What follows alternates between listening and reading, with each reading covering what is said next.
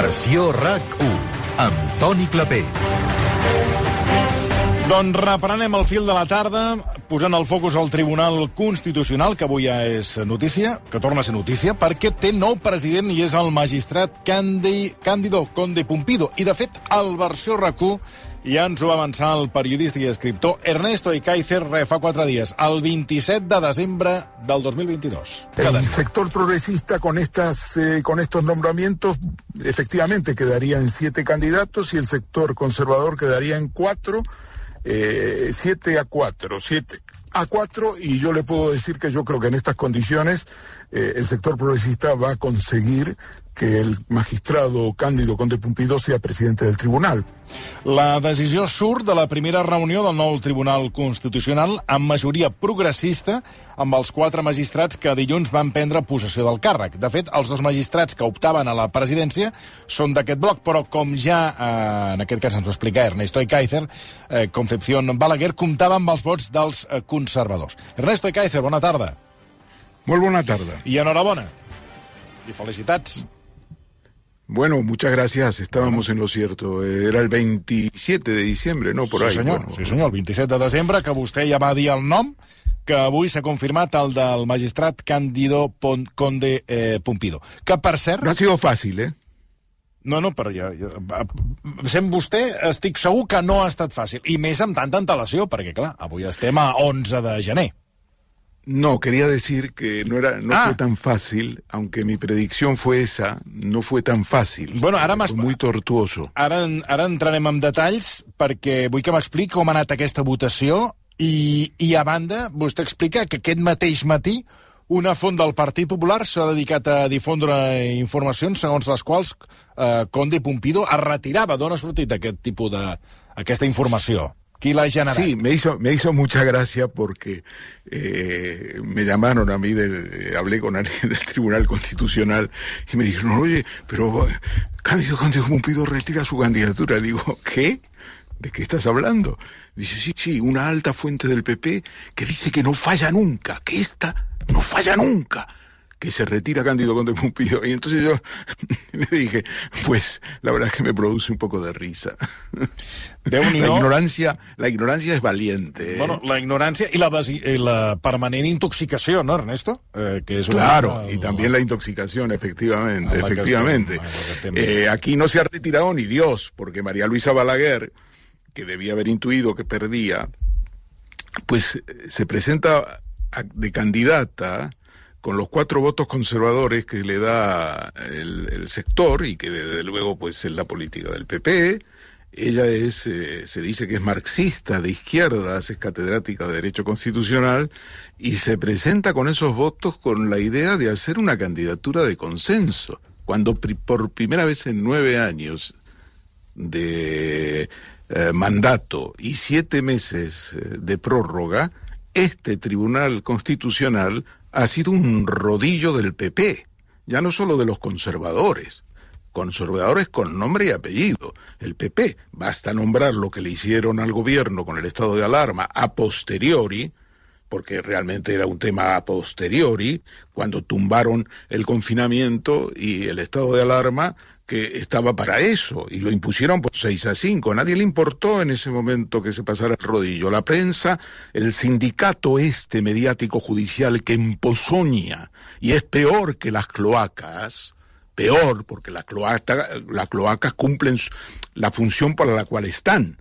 pero esta prensa no cumple esa función, simple cumple función de cloaca, la intoxicación que ha habido y la campaña de asesinato de la reputación de Cándido Conde Pumpido y además de su esposa en los últimos días, ya desesperadamente, ha sido tremenda, tremenda. Me río de las cloacas. Um, si li sembla, anem, anem al que ha passat avui. Uh, com, finalment, com ha quedat la votació i quina lectura li fa vostè? Quina, quina, quina lectura en fa? Mire, la votación es una votación muy sencilla, en realidad dura 10 minutos, porque es un papel donde vienen los nombres de los candidatos, los que quieran, ¿eh? y, y, eh, mm, se pasa eh, por cada uno de los candidatos y ellos ponen una cruz en el nombre. Es muy sencillo. Gana el que saca por, evidentemente aquí no podía haber mayoría absoluta, gana el que saca más votos. Y entonces, una vez que termina esa votación de presidente, se vota por la vicepresidencia. Así ha sido siempre. Se vuelve a poner eh, el nombre de los candidatos y se pasa a los magistrados y los magistrados ponen la cruz. En este caso, la vicepresidenta también es progresista, es Inmaculada Montalbán, ha sido miembro del Consejo General del Poder Judicial, también es magistrada, es decir, que viene de una función jurisdiccional, y eh, en este caso no ha habido un pacto entre el eh, sector conservador y el sector progresista para que la minoría fuera ejercida por, eh, en este caso, por el sector conservador. normalmente eso se hacía, pero el PP lo violó en el año 2017, esto es la mentira que están, digamos, inundando las redes sociales y dicen que los grandes periódicos, El Mundo, El Español, toda ese, sindicato mediático judicial dicen que eh, se viola aquí con el nombramiento de Inmaculada Montalbán también como vicepresidenta como ella es progresista se viola eh, una norma no escrita. Pero quién violó la norma no escrita la violó el Partido Popular y los conservadores en el año 17 en el sector progresista en aquel momento se reunió y propuso para la minoría eh, para que ocupara la vicepresidencia el magistrado experto en laboral Fernando Valdés Dalré. Propusieron a Fernando Valdés Dalré ¿Y qué hicieron los del PP? ¿Y qué hicieron los conservadores que les representan? Porque cada vez se confunden y son lo mismo. Eligieron a Encarna Roca, que se prestó al juego al que hoy Balaguer quería prestarse. Abandonó su barco, hizo de transfuga, pasó al sector conservador y la premiaron con la vicepresidenta. ¿Quién violó la norma no escrita de que la minoría tiene que tener la vicepresidencia? Pues evidentemente el sector conservador y el PP. Lo que han hecho ahora, en la medida en que el sector conservador ha intentado romper otra vez esta mañana al sector progresista, porque dígame usted si no es romper proponer a una candidata progresista como venía a decir a nuestra progresista el PP y los conservadores, no es romper el sector progresista. Efectivamente, lo rompió en una persona, pero tuvo los suficientes votos con la incorporación de María Luisa Segoviano, la magistrada que entró, el, el, voto suficiente para conseguir eh, la mayoría para el presidente y también para la vicepresidenta. ¿Cómo vas a hacer un pacto con esta gente? ¿Cómo vas a hacer un pacto con quien te eh, pretende romper? Pues tú puedes hacer un pacto de caballeros con eh, te sientas en la mesa y decir, oye, nosotros vamos a proponer a un candidato progresista para la presidencia y nombramos a un candidato conservador para la vicepresidencia. Y bien, vosotros nos decís quién es, tiene que ser Ricardo Enríquez por fuerza, porque es, siempre es el que está en el tercer año, en los últimos tres años de su mandato, y eh, normalmente tenía que ser así, por lo tanto en el sector conservador lo lógico fue que fuera Enrique, Ricardo Enríquez, que es el, en este momento es el presidente en funciones hasta hoy, eh, porque es el más de mayor edad, y entonces que Ricardo Enríquez se ocupe la vicepresidenta. Pero no hubo pacto, lo que hubo es un garrote. Pretendieron romper al grupo progresista apoyando a una candidata que se prestó a ello, y entonces no hay pacto. Por lo tanto, ahora la presidencia y la vicepresidencia es del sector progresista, de los seis votos que han evitado eh, que se les rompa, que se les desuna, eh, salvo en el caso de Balaguer, y han conseguido, por lo tanto, una línea que es muy importante en este momento porque ese tribunal está destruido, Tony. La última intromisión de la última semana de diciembre en el, en el Congreso y en el Senado, que ha potenciado, cosa que ya hemos discutido, prácticas anteriores en Cataluña, ¿no es cierto?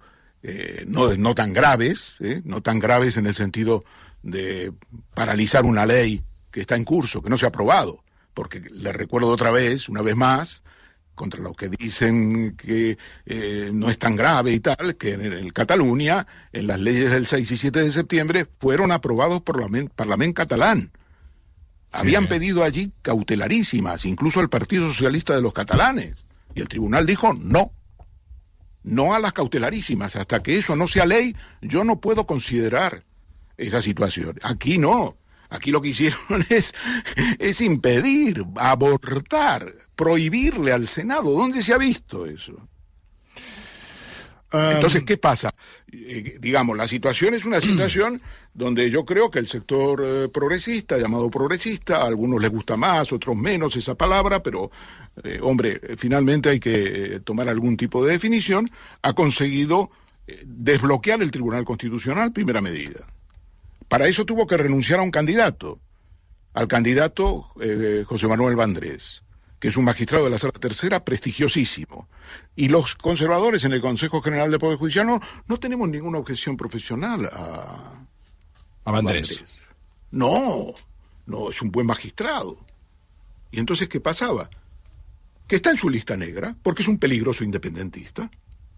Porque Vandrés ha estado mucho tiempo en Cataluña y es un peligroso. Y estos son macartistas. Esto es el macartismo de los años 50 en Estados Unidos. Te ponen en una lista, el señor Macías te pone en una lista y eres un peligroso. Y, Macías me refiero, ese es el, el famoso del bufete Cuatro Casas, que sigue siendo socio de Cuatro Casas y está allí decidiendo quiénes son los jueces en este país, contra los cuales luego va a pleitear o a favor de.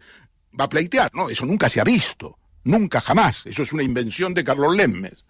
¿Eh? Es decir, los, mismos que eligen a los jueces resulta que son socios de bufetes que luego tienen que pleitear en el Tribunal Supremo. Y Macías, que es un, es un pequeño maquiavelo, aunque, hombre, eh, yo le digo desde aquí que yo no lo intento minusvalorar. Yo creo que es una persona de una gran capacidad. Ha sido director en la Generalitat en la época de Puyol.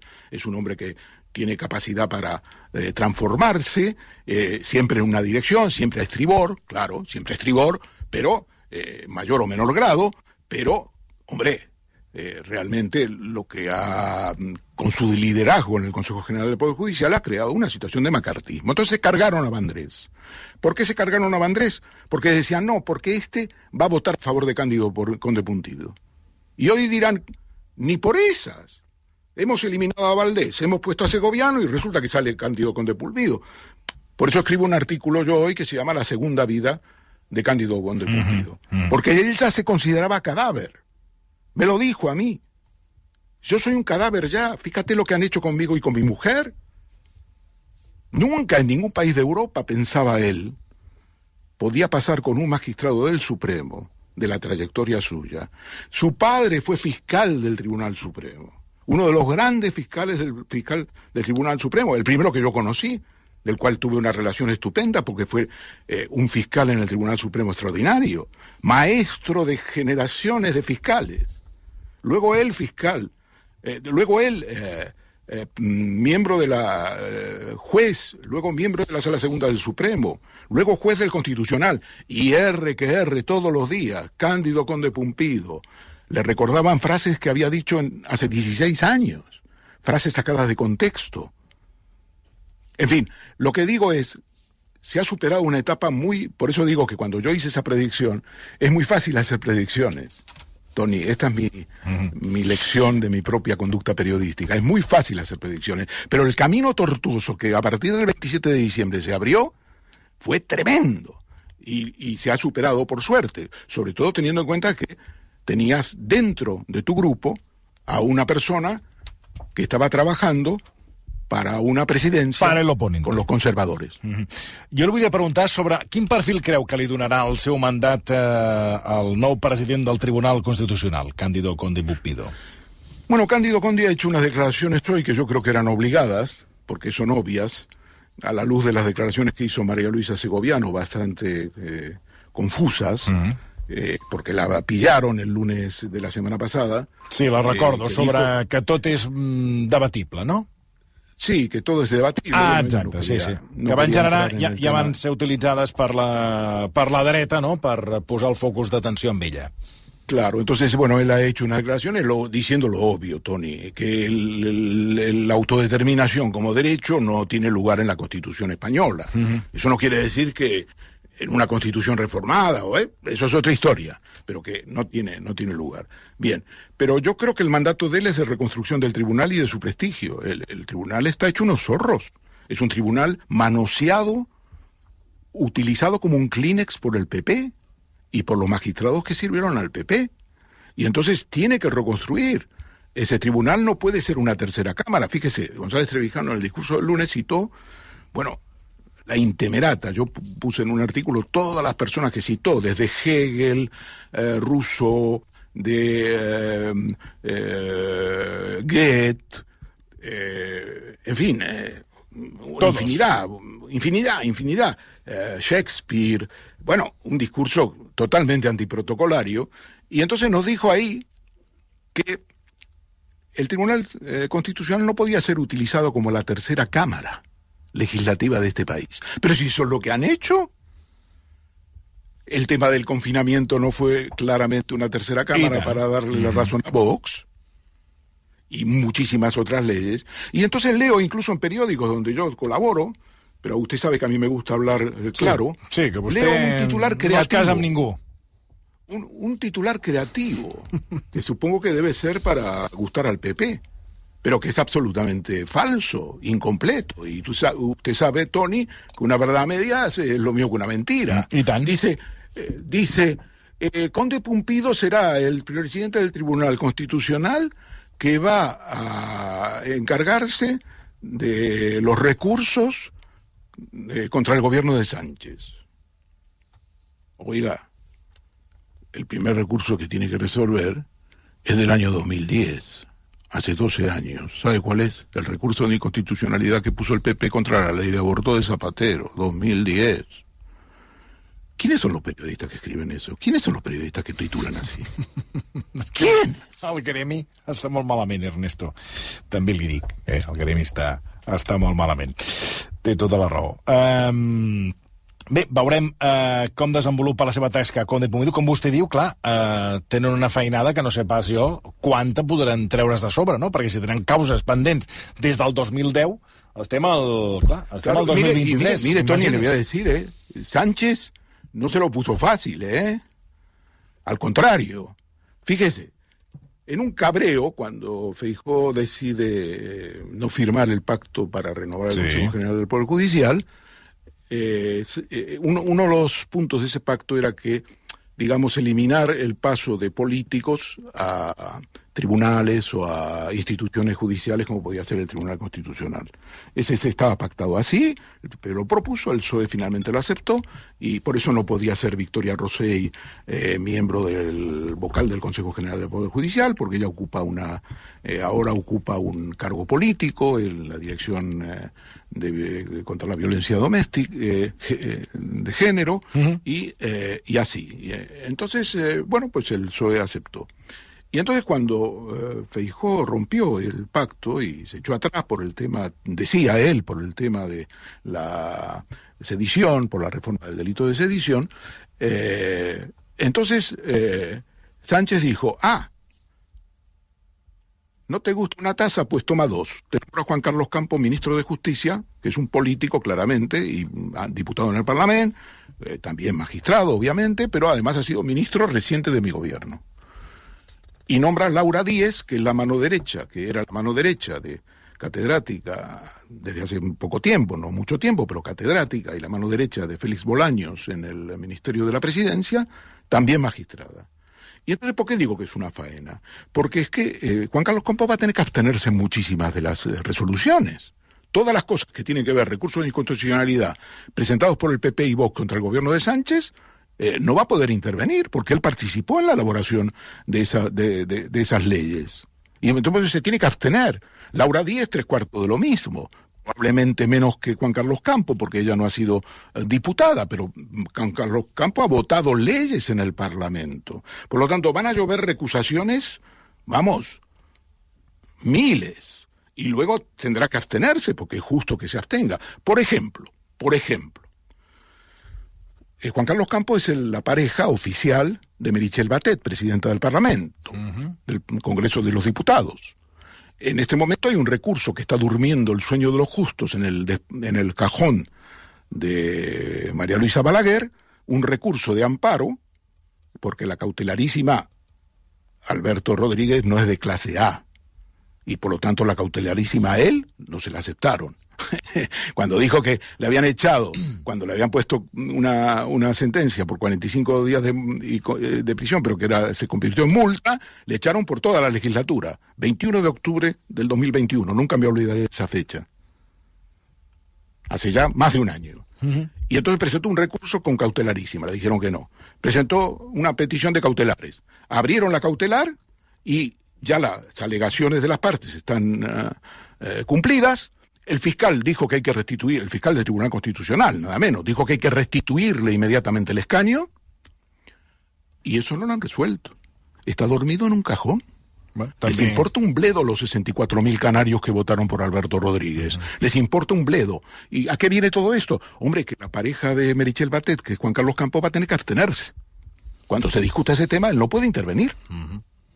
Entonces, flaco favor le ha hecho Pedro Sánchez con su cabreo al nombrar a Laura Díez y a Juan Carlos Campos a Cándido Conde Pumpido, porque en algunas votaciones va a tener dos menos. Dos votos menos. Por lo tanto, si son 7 a 4, se transforman en 5 a 4. Y si se le fuga a alguien de su grupo... pues ya estamos en el empate. Eh, ya estamos en empate. Es verdad que el, el presidente del Tribunal Constitucional... Valor al seu vot. Tiene doble voto cuando hay empate, pero claro, el doble voto no se puede ejercer, se ejerce, se tiene que ejercer con, con discreción. Pero fíjese la situación que le ha creado Pedro Sánchez a Cándido Conde Pumpido. Escolta, no sé si vol afegir alguna cosa més sobre el Constitucional, perquè volia preguntar-li sobre... Sí, me, me llamó la atención que, eh, que después de la votación, que son dos votaciones sucesivas, presidente y vicepresidente, pues María Luisa Laraguer cogiera el bolso y se largara. Mm. Pues bueno, pues adiós. Pues el que, va dir, el que va dir el, el major Trapero. Bueno, pues vale, pues adiós. Es una frase, ¿eh? una frase histórica. De, Pero bueno, yo creo que hoy es un día muy importante para la justicia. Yo comprendo que, eh, en fin, que para mucha gente, fíjese, eh, la defensa de Puigdemont, yo creo que siempre equivocadamente, y lo digo con todo respeto, eh, impugnó y recusó a, a Candido Conde Pumpido pero yo creo que ellos no, no, no tenían, no tienen información ya más fina mm. o más, eh, o pudieron analizar con más fineza. Cándido Conde Pumpido hizo una sentencia que se la abortaron en el Constitucional en junio del 2019, antes de la sentencia del Procés, que hubiera cambiado absolutamente toda la perspectiva judicial en, eh, en el tema del Procés. ¿Quién era? Era la sentencia del asedio al Parlamento, sí. que se había recurrido. Sí, lo recuerdo. Eh, la sentencia del Parlamento eh, fue una primera sentencia de la Audiencia Nacional, ponencia de Ramón Sáez, que ahora está en el Constitucional y que es un colaborador importante de Cándido Pumpido en el plan de reconstrucción, igual que Inmaculada Montalbán. Ese plan de reconstrucción está más o menos diseñado ya. También es una noticia. Eh, y en, Ramón Sáez consideró que, digamos, había habido, se habían excedido en el asedio al Parlamento, que había sido relativamente muy fuerte, violento, pero que había, era la única salida que les quedaba para, para manifestarse contra los recursos, recortes sociales. Y por lo tanto absolvió. ¿Vale? Utilizó una doctrina mm. muy de moda en Estados Unidos y absolvió. eh, porque decía que de lo contrario se favorecía el desaliento democrático. Fíjese la idea, ¿no? Uh -huh se favorecía el desaliento democrático, porque si dejas a la gente que no tiene otra posibilidad que manifestarse y no la dejas manifestar y la condenas y les multas, pues entonces absolvió. Llegó al Tribunal Supremo y Marchena eh, decidió que no, que no estaba bien, que había un atentado contra las instituciones del Estado y sin hacer diligencias, porque el Supremo en casación no hace diligencias, tumbó la sentencia y les condenó a, a tres años sí, sí. Eh, de prisión uh -huh. y tal. Y entonces, cuando llegó el tema al constitucional, le tocó la ponencia a Cándido Ponte Pumpido. Y Cándido Conde Pumpido hizo una ponencia donde venía a plantear que si bien eh, se habían excedido en el derecho de manifestación, sin embargo había que aplicar atenuantes. Y por lo tanto salvaba la ponencia, la, la sentencia de Sáez, y planteaba una serie de atenuantes que rebajaban notablemente, prácticamente, eh, las penas de prisión y dejaba el tema, eh, digamos, eh, constitucionalmente resuelto, salvando, digamos, en la línea de la doctrina de que no se puede desalentar las manifestaciones democráticas, las manifestaciones callejeras cuando se trata de protestar por derechos que son arrebatados. Y esa sentencia estaba lista en junio del 2019. Y los magistrados en, la sección de, de Cándido de Pumpido, que era creo que la sala primera. Entonces, cuando los magistrados vieron esto, el presidente, eh, presionaron al presidente, a Juanjo González Rivas, y le dijeron, esto no puede hacerse. Esto no puede hacerse en la sección, en la sala. Tiene que hacerse en el pleno. Entonces, cuando se abocó al pleno, dijeron que no se podía hacer en ese momento. ¿Por qué? Porque en ese momento el Tribunal Supremo estaba elaborando la sentencia, había terminado el juicio del procés y estaba elaborando la sentencia contra los dirigentes independentistas. Y que entonces que el Tribunal eh, eh, Constitucional saliera con una sentencia de ese tipo iba a tener una influencia notable en el propio Tribunal Supremo. Y entonces dijeron, no, lo dejamos para más adelante. La mayoría, el rodillo, impidió que esa sentencia saliera. Y entonces se guardó. Y cuando vino ya el tema, se superó, vino la sentencia del proceso y esa sentencia no salió, eh, directamente la tumbaron. Cuando Cándido Conde Pumpido planteó la, la mayoría la tumbó y tuvo que cambiar de ponente y bendijeron la sentencia del Supremo de Marchena. Con esto, ¿qué le quiero contar? Que la sentencia de junio del 19 que tenía elaborada Cándido Conde Pumpido hubiera cambiado notablemente la situación, hubiera podido influir, no digo cambiado, pero podido influir para que las penas que se aplicaron en el año 19 no fueran las que se aplicaron. Porque había atenuantes y esas atenuantes reducían notablemente la pena. Le cuento esto porque mucha gente en Cataluña no lo sabe, probablemente.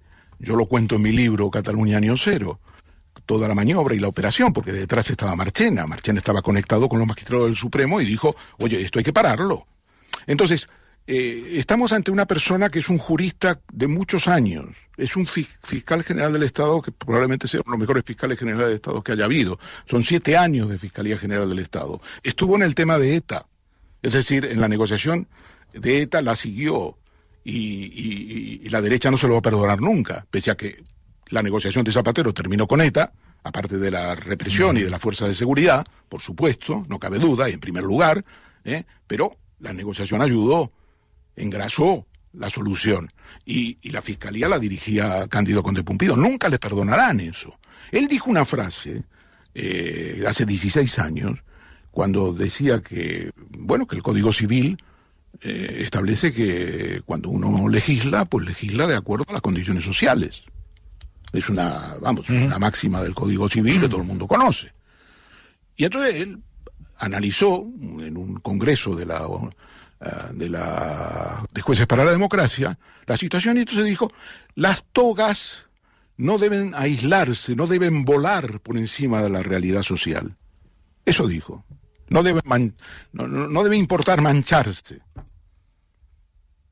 Y esa frase no se la perdona.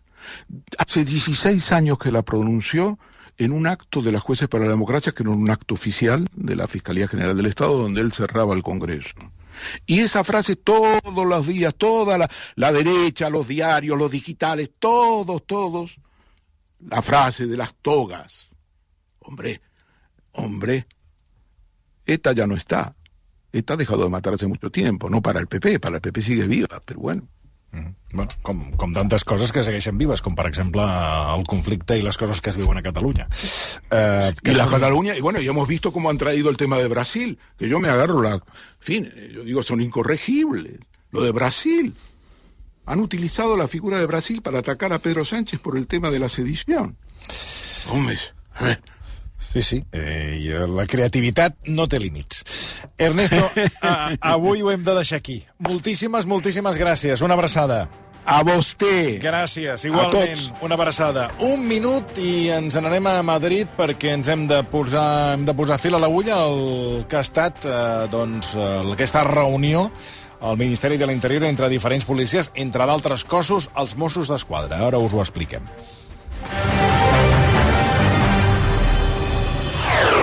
Versió RAC 1